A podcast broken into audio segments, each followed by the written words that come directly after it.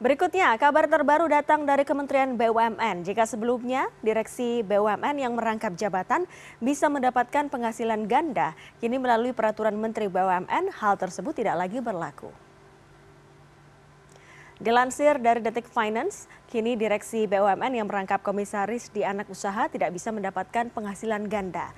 Kementerian BUMN menyebut nantinya direksi hanya mendapatkan remunerasi dari BUMN. Kendati demikian, Kementerian BUMN akan memperhatikan remunerasi yang didapat. Ke depan, remunerasi disesuaikan dengan direksi sektor swasta pada sektor yang sama.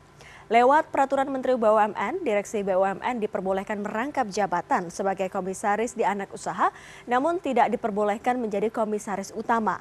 Persyaratan untuk mendapatkan tantim pun diubah.